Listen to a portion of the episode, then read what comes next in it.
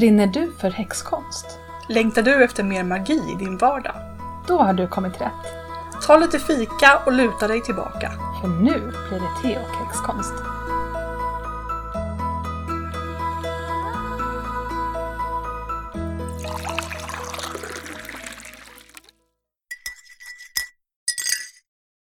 Det luktade väldigt häxigt här och jag, jag trodde först att det var ditt te, men det var den där rökelsen va? Ja, precis. Det var eh, det är johannesört. Jag tog hand om ett eh, knippe med johannesört som har hängt i köket sedan i Mm. somras. Ah, Eh, och, eh, och då använde jag stjälkarna till att göra rökelse. Mm. Och, ta, och så bladen till, till te. det är ju jättesmart. Mest för att det är enkelt. Mm.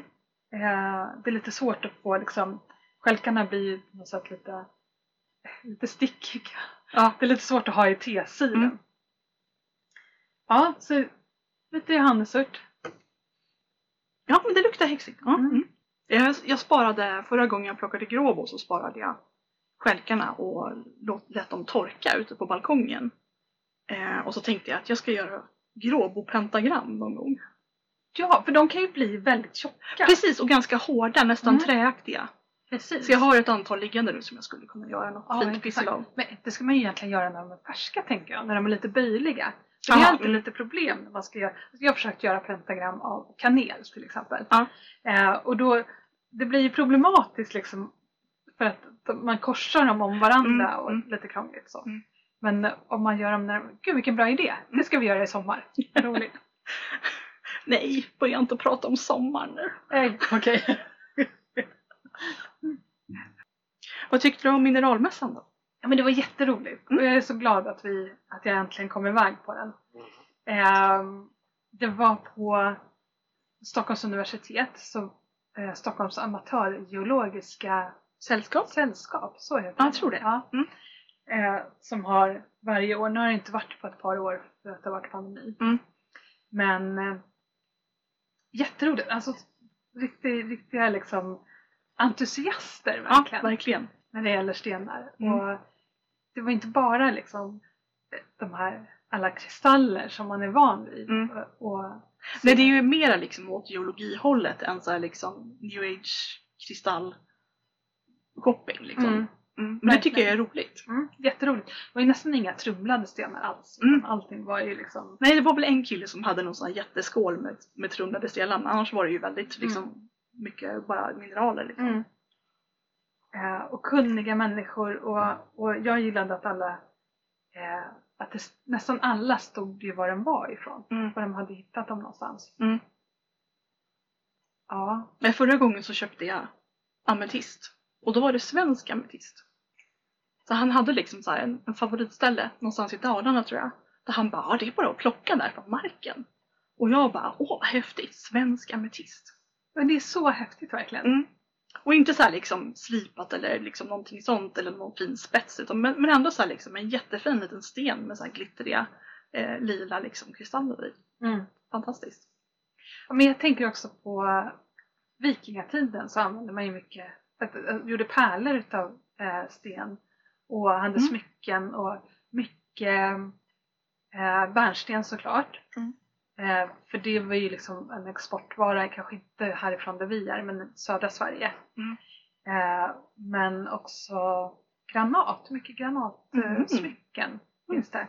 Det tänker jag att det måste ju vara någonting man också kan bara hitta. Mm. Om man vet vad man ska leta efter. Mm. Granat är lite svår, den är så, den är så mörk liksom och Mm. så bara skiner igenom lite röd. Så det kan vi verkligen rekommendera om man antingen bor i närheten av Stockholm eller om man råkar vara där i november att eh, hålla utkål eh, efter mineralmässan. Eller vä- vänta, vad heter det? Mineral och smyckestensmässan Ja. heter den va? Eh, men jag såg, när jag googlade på det, då såg jag att det finns ju mineralmässor eh, på flera ställen. Mm. Eh, så det, jag, jag googlade mineralmässan och fick Mm. upp liksom här kalender för Mm. när det är mineralmässor var. Så det rekommenderar vi rent generellt. Mm. Mineralmässor. Mm. Ja, men det var så kul, de hade så, här så mycket fossiler också Ja. grejer. Det är ju jätteroligt. Eh, och massor med andra saker liksom, Mm. som, som inte, inte trumlade stenar direkt. Och jag köpte en jättefin bärnsten. Mm, den var jättefin. Som det faktiskt var en liten fluga i. Mm. det är ju faktiskt jättehäftigt. Men du köpte en pilspets också? Jag har en sån här obsidianpilspets från Mexiko. Inte så här liksom urgammal men liksom ändå från Nej, Mexiko. jag, jag frågade ju faktiskt och han bara, nej men det är någon som sit- sitter där och gör, gör liksom. Och, och han trodde nog ändå att deras kulturmiljölag var ganska sträng Mm. i Mexiko. Men i USA så tror jag inte, där tror jag att man kan bara gå och plocka saker Mhm. faktiskt. De har nog in, ganska dålig koll liksom. Där, där är det nog mer viktigt vem som äger marken Mm. hur gamla saker är. Mm. Ja, men det var, ju, det var ju en sån som jag använde den gången när jag var jätteupprörd. Mm. Eh, och hade precis hört att obsidian absorberar negativ energi. Och satte på mig den där och bara, alltså det var en sån fysisk liksom, eh, fysisk eh, bekräftelse. Mm. Det bara rann, drogs ur mig med en Mm. gång. Så att de väldigt, kan vara väldigt effektiva. Och jag tänkte göra en litet halsbandshänge av det. Så jag kan ha det på mig. Det var också delvis därför jag eh, köpte min den här eh, hematitringen. Som Mm. jag har på mig just nu. Eh, för hematit är också väldigt bra på att skydda mot, ja den ska liksom rensa och beskydda mot olika negativa energier. Och då har jag alltid tänkt att det skulle vara häftigt att ha en ring som man kunde ha på sig då till vardags. Eh, och så den här var facettslipad så den var ju lite, lite roligare än bara en vanlig svart ring. Den är jättefin. Mm. Verkligen. Att leva i samklang med naturens cykler. Ja, det här känns ju väldigt självklart grundläggande häxigt. Visst gör Mm. det det? Ja, det tycker jag. Mm. Det här är ju, alltså nu har, vi ju haft en del sådana här avsnitt om Cunningham.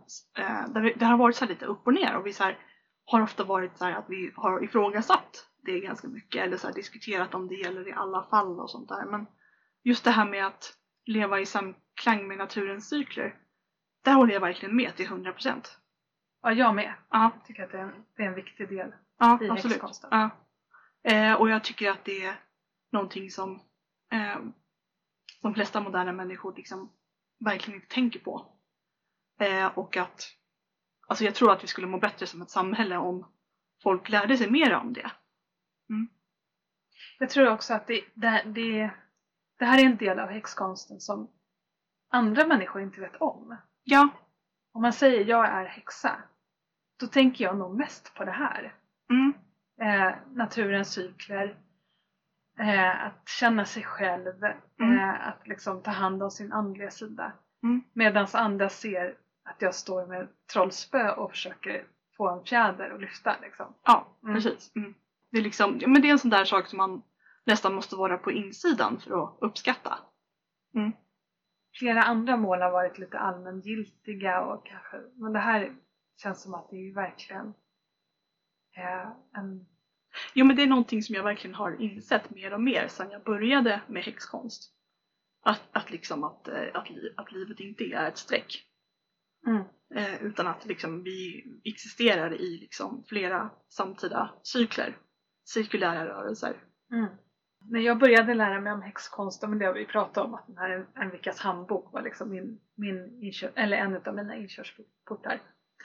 Då kommer jag ihåg att det här med, det var liksom min första, mitt första möte med årshjulet. Mm. Och att det var en sån här, så här vill jag leva, jag vill liksom fira de här högtiderna. Mm. Eh, det här vill jag ska vara min religion, inte liksom eh, lite sporadiska Kyrkobesök. och en men midsommarstång. Ja, är liksom lite, lite högtider som man inte vet. Jo men man, man, det finns liksom en mer självklar koppling till just den tidpunkten på året. Jag menar Ja. liksom okej, julen är Kristi födelse och påsken är när han dog men de andra liksom högtiderna, vad är det för någonting? Men det liksom? visste jag redan när jag var liksom aktiv i Svenska kyrkan när jag var tonåring att det här stämde ju inte. Nej. Så det var ju inte den tiden på året som han föddes. Nej, kyrkan har ju liksom anammat eh, Eller man vet hedniska högtider för att Ja. Ja. Eller att det liksom passade med kyrkoåret på något Mm. sätt. Jesus föddes väl i september eller något sånt där tror jag. Ah, Okej, ja, jag har hört att han föddes vid påsken. Men Ja, man vet ju inte, man var ju liksom inte så noga. Jag hörde häromdagen om att man i liksom, eh, i Sverige så pratade man inte om liksom, födelsedagar utan då pratade man om hur många vintrar en person hade levt. Jag Mm. ihåg var jag läste det här Ja, någonstans. Eh, att, att det var liksom, den här personen är så, si och så många vintrar. Mm. För att man inte liksom fokuserade på födelsedagen. Så. Mm.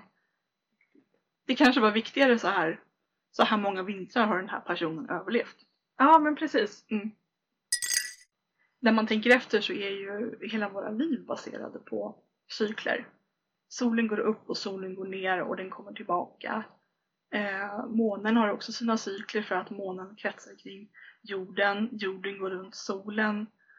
Vi har liksom, allting är ju cykliskt. Ja, precis. Allting är ju cykliskt. Det är inte så liksom att någonting börjar vid ett tillfälle och tar slut vid ett annat utan det är ju liksom det är ju cykler efter varandra, efter varandra, efter varandra. Och det är ju även våra liv. Jag tror väl jag har sagt det förut att jag eh, hörde någon gång eh, i vuxen ålder att det finns folk som tycker att, att året är ett streck och därför blir de deprimerade när strecket håller på att ta slut. Men det har jag alltid haft extremt svårt att förstå för jag ser liksom året som, en, som ett hjul. Mm. Eh, och det är väl antagligen kopplat till någon plansch vi hade på lågstadiet. Antagligen. Där liksom månaderna var liksom på en cirkel. Hade ni också en sån ehm, Kommer du ihåg de här gamla almanackorna där man drog liksom ett eh, papper? Eh, Ja men det är möjligt här är liksom Ja, dagens datum. Och så drog man papper, då blev det den nästa dag. ja, Mm. mycket möjligt. Och vi hade en sån eh, på dagis som det hette på den tiden. Som satt i mitten och sen var det liksom en cirkel av året runt omkring. Aha. Och när vi kom Ja! till maj då fick vi sätta upp liksom en färg, färgglad bild liksom på den, den lilla tårtbiten som var maj. Det där låter absolut bekant. Mm. Absolut. Mm. Jag menar ända sedan vi fick liksom elektriskt ljus så har vi ju liksom eh, inte behövt följa eh, naturens cykler lika mycket. Liksom, innan man hade elektriskt ljus så ofta så gick man gick och la sig när det blev mörkt. För det var liksom, det, var dyrt med ljus och även om man hade massor med ljus tända så, så var det ändå svårt att se vad man höll på med. Eh, så man gick och la sig. Det var ju mycket mer kännbart, Ja. årstiderna. Precis.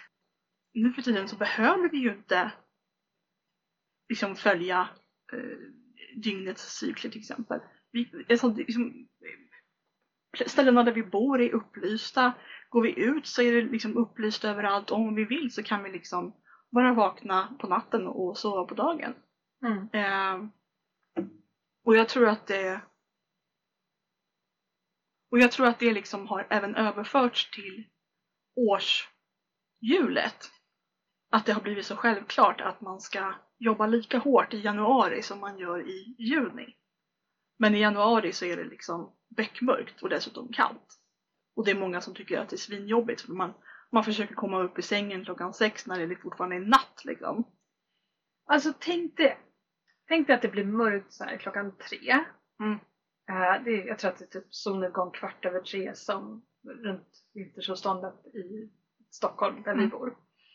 Eh, tänk dig att det blir mörkt vid tre tiden och du går in i din stuga och där har ni en brasa tänd och så sitter ni där och, och pysslar med någonting. Du sitter och broderar lite grann, berättar lite sagor för varandra i, i ett par timmar. Sen går ni och lägger er och så sover ni typ i 14 timmar eller någonting tills solen börjar gå upp igen. Jo, men, det är Tänk ju, att få leva så på vintern. men det är ju också det här med eh, att eh, för det såg jag nämligen i en serie som utspelade sig på 1700-talet där de verkligen hade fått med det här att på vinterhalvåret när det verkligen blev mörkt väldigt tidigt eh, då sov de ju liksom väldigt länge i så fall men då hade de alltså första sömnen och andra sömnen. Så att man liksom, de började med att sova en ganska lång period sen kunde de gå upp mitt i natten och göra annat. Så här, läsa, arbeta, eh, liksom, och sen så de var bara liksom vakna typ så här en, en och en halv, två timmar och sen så gick de och la sig igen. För det var liksom så mycket som var natt så man sov liksom inte 14 timmar utan man var uppe lite i mitten. Gud vad intressant. Mm. Jag tänker på den här eh, när man pratar om folktron kring Lucia. Mm. Man liksom vakade in att det en gång i tiden var den längsta natten och att det liksom hängde sig kvar. Och att man vakade in den liksom åt massor med frukostar. Då kanske det var så att man liksom sov lite grann i skift. Mm. Eh, åt frukost hela natten och, eller flera gånger. Mm. Ja, vad intressant, det hade jag faktiskt inte hört talas om alls. Mm, men jag tror att det är många som inte tänker på det för att vi, liksom, vi lever inte så länge. Eh, och vi tänker inte på det för vi, vi är så vana vid att det liksom går att tända en lampa. Ja. Mm. Men jag undrar, det skulle vara intressant att veta hur, hur man har levt i norra Sverige Mm eh, under de här perioderna. Jag vet att på, på Svalbard, där har de ju, eh, eh, solen går inte upp på ett antal månader. Eh, men där har de ju en stor festival tror jag, när solen äntligen kommer tillbaka och att den kommer upp över horisonten för första gången. Och jag bara, det, det måste ju ha varit ganska vanligt. Att man såhär liksom bara, första dagen när solen kommer upp. Ja, men verkligen. Och så blir det någon som liksom, nu firar allihopa. Eller så tänder man eldar eller man lagar, fixar, fixar god mat eller något sånt där. Ja, Välkomna tillbaka solen. ja. Oj, vilken, liksom, vilken naturlig högtid. Verkligen. Och, och sen så, jag menar, okej, det är ju många som har så här, ifrågasatt lite om årstjuret verkligen är så himla kopplat med bond, bondens årstjur som den är. Liksom, är det verkligen baserat på liksom, eh, bondekulturen och liksom sådär. Men jag tycker ändå liksom att det är en ganska bra en bra förklaring. För, Men- det, för det är ju lite likadant där liksom att bönder det är ju nästan mest eh, aktivitet på sommaren. Liksom. Eh, och sen på vinterhalvåret så är det inte så mycket som pågår. Och jag tror att när majoriteten av befolkningen ändå var bönder så var det ganska naturligt att man liksom hade, man, man vilade på vintern för det fanns inte så mycket att göra. Och sen så var det liksom mycket att göra på våren och sommaren och hösten. Men eh, nu när liksom vi, vi har blivit industrialiserade och vi liksom har andra jobb så eh, då får man helt plötsligt det här kravet på sig själv att man ska, man ska jobba liksom året runt förutom sin semester som är sex veckor. Även om det liksom är mitt i mörkaste januari. Och jag tror att det tar väldigt mycket på människor. Det naturliga vore ju egentligen att vi hade sex veckors semester mitt i vintern. Jag frågade faktiskt min kille det en gång. Jag bara, varför är det ingen som tar semester i, liksom när det är som mörkast? Och han bara, ja, jag tror inte man får det. Det måste vara någonstans på, semester, på sommarhalvåret. Och jag bara, aha. Det beror nog på var man jobbar någonstans. men, absolut. Ja, men det, jag skulle ju bli frestad att ta min semester så här typ i oktober eller något sånt Mm. där. Bara för att det är så, liksom, det är så fin natur då och liksom, man vill ju gå ut i skogen och ha det trevligt. Mm. alltså i, i städerna på medeltiden, nu, nu pratar jag medeltid igen som det är det som jag kan. Eh, men då, då vet jag att ehm, handeln, alltså skeppen slutade komma efter julafton, juldagen. Ehm, och sen började de åka igen på, vid första maj. Mm. Så då hade man liksom en första majfest. Ah. Och så här verkar det också ha varit lite grann i... Man slutade väl ute på åkrarna lite tidigare tror jag. Snarare kring halloween eller samhain. Mm. Men, eh, eh, men också första maj, det är då man liksom tar ut eh, korna på bete och liksom sådär. Ja precis, idag har vi ju kosläpp. Ja, precis. Mm. Eh, så att, så att, ja, och då har man ju liksom haft mer inomhusarbete och mer så här, sett över eh, laget, tagit hand om gården liksom. Eh, Sådana saker. Och som kvinnor så har vi ju även menscykeln. Ja, Som också är, alltså egentligen när man tänker efter så liksom allting är cykler runt omkring oss. Det är liksom Mm. som hjul som kuggar i varandra som liksom går tillsammans med Mm. månen och solen och Men allting. kan det inte vara så att det är därför det är framförallt kvinnor som eh, dras till nyandligheten? För det, det känns ju som att det är det.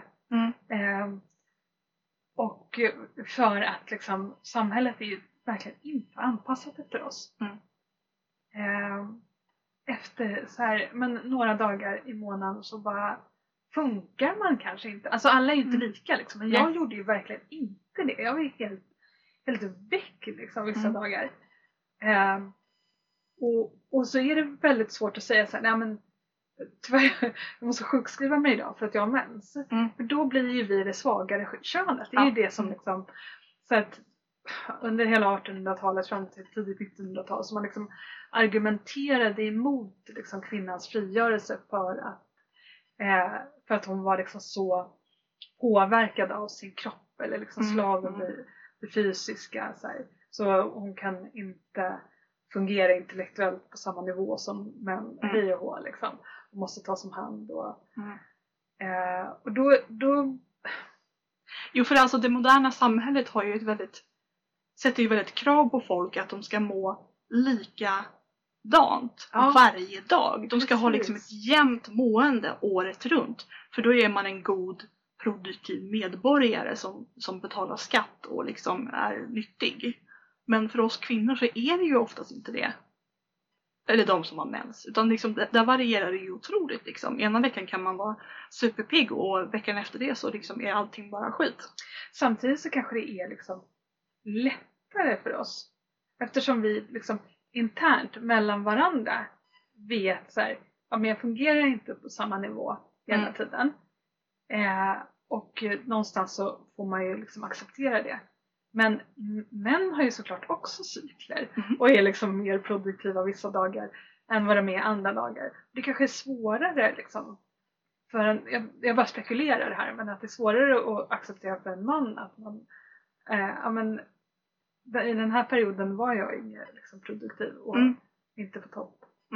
Ja, men för det har jag läst att även män har liksom hormonerna fluktuerar precis som Mm. hos kvinnor. Inte lika mycket, men att de faktiskt gör det. Men det är svårare att kartlägga de cyklerna Mm. än vad det är för oss.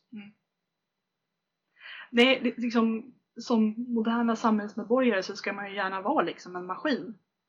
Som bara liksom har en on-knapp och så bara fortsätter man liksom gå i evighet. Mm. Och det var ju liksom, liksom lite det som det var inom kyrkan också. Det var liksom så man föds och sen så lever man sitt liv och så dör man och kommer till himlen. Och så såg man liksom mellanrummet som någon sorts, ja, mest som någon sak som man skulle genomlida. Medans, alltså, jag tror jag har pratat om det här förut. Dels så tycker jag att årshjulet är, det är ett bra sätt att se året. Om man liksom har problem med dåligt mående någonstans på året. Jag menar, jag gillar inte sommaren. Eh, min kille, han gillar inte vintern. Eh, och då kan det ju vara bra att tänka liksom på det som ett hjul. Liksom att okej, det suger just nu men det kommer att bli bättre. Och liksom det... det tar, liksom, man, man, man får en helt annan syn på liksom att det här, inte, det här kommer inte suga för all liksom, evighet utan det kommer liksom att bli bättre. Och, eh, och även liksom att man, jag tycker i alla fall att man lär sig att uppskatta de olika eh, årstiderna bättre om man tänker på som att det är ett jul. Och man, man liksom uppskattar liksom mellanperioderna lite bättre. Liksom att varje liten del av året har sin egen charm. Ja men jag håller med. Mm. Det är så många som bara avskyr februari, det är den längsta månaden på hela året och så. Mm. Men om vi bara lär oss att fira inbolk eller kändelsedagen. Ja men alltså ordentligt, in, så- Inbolg har faktiskt blivit en av mina favorithögtider. Just för att jag ser sån himla skillnad mellan februari och till exempel november. I november är det ju bara mörkt. Men i februari så är det ju ljust igen. Och jag menar visst, det, är fortfarande, det kan fortfarande liksom vara två meter snö men det är liksom så här, det är, lju- solen är tillbaka. Eh, så liksom den skillnaden har jag ald- aldrig, aldrig lagt till märke till förut. Då har det varit liksom så här snö över jul och så börjar det töa i april liksom. Men mellanperioderna kan också vara väldigt trevliga.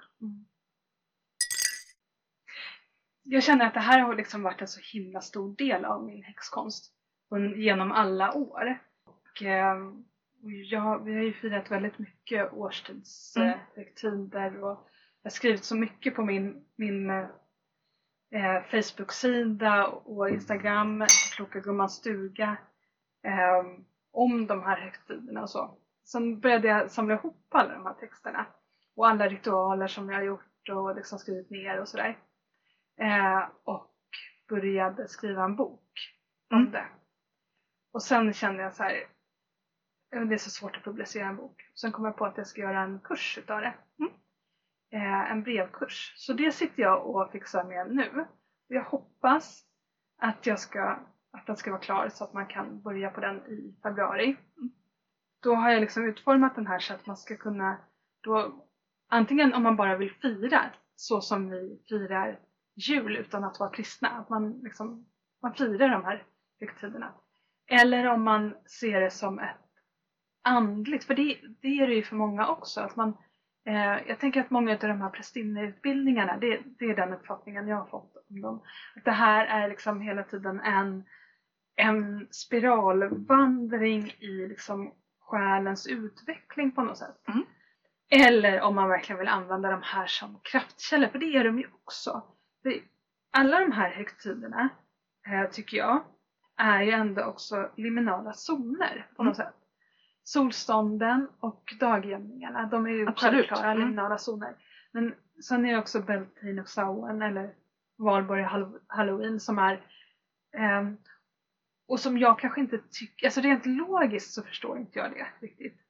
Men jag känner det när Mm. jag är i det. Att det här, det är en, det är någon sorts förändring som sker just kring de här dagarna. Mm.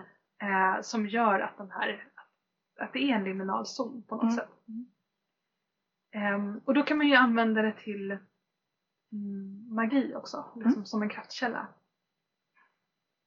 Tänker du så? Absolut, Mm. absolut. Mm.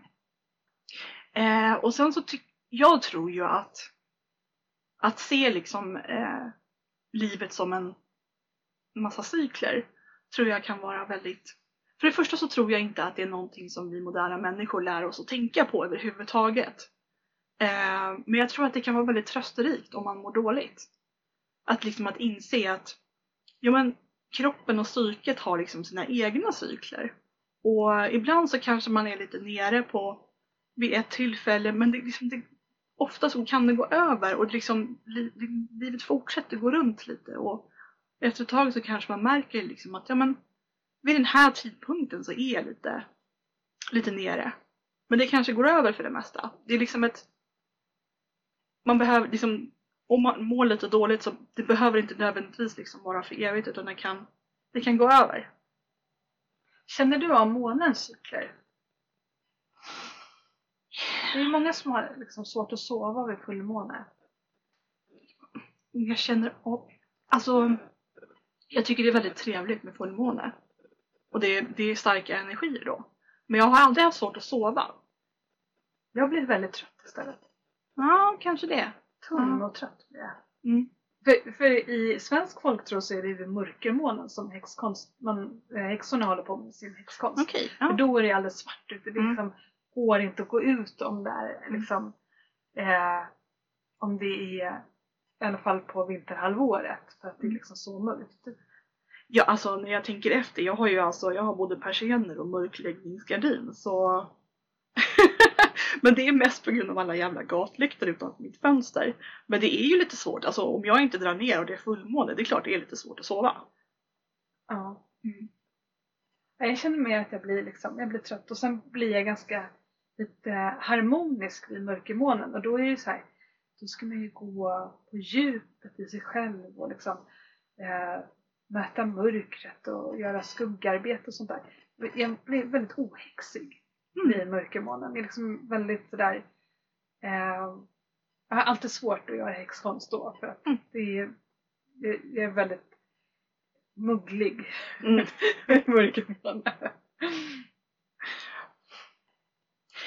en annan aspekt eh, med att eh, det kan vara trösterikt att eh, se livet som cykler, det är ju att man kan börja om precis när som helst.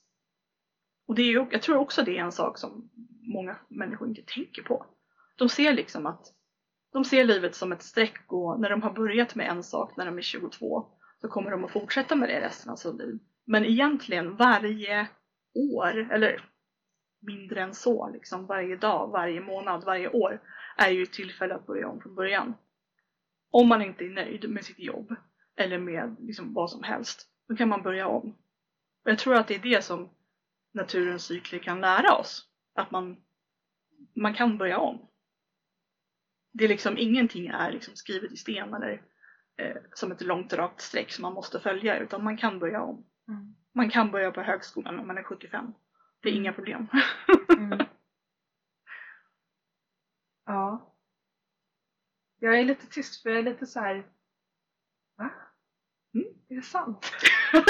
ja men precis, jag, jag, alltså det har precis slagit mig liksom. Jag har försökt lära mig själv det liksom att, att inte vara så här.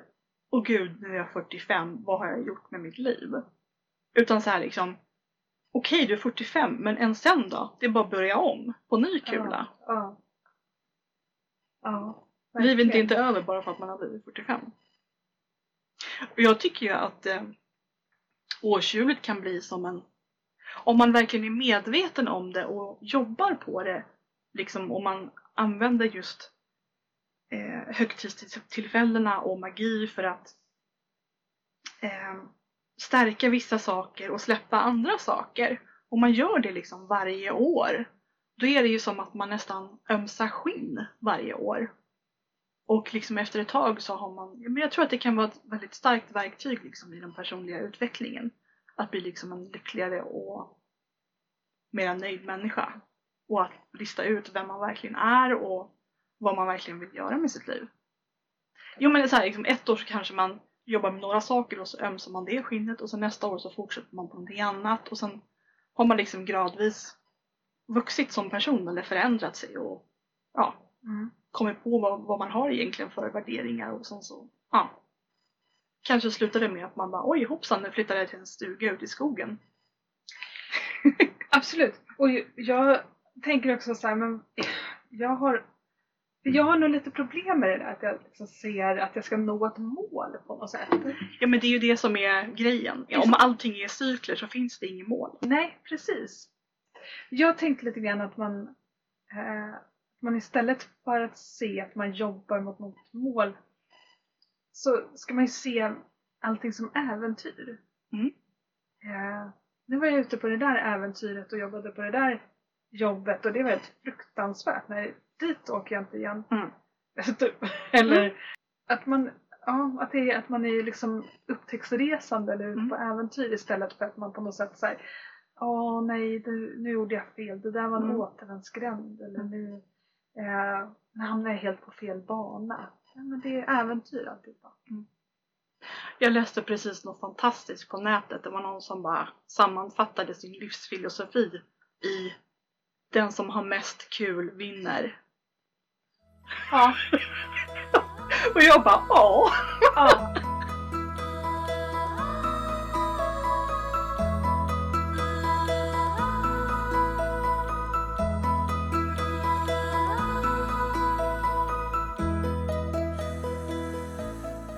Nu är kakorna färdiga.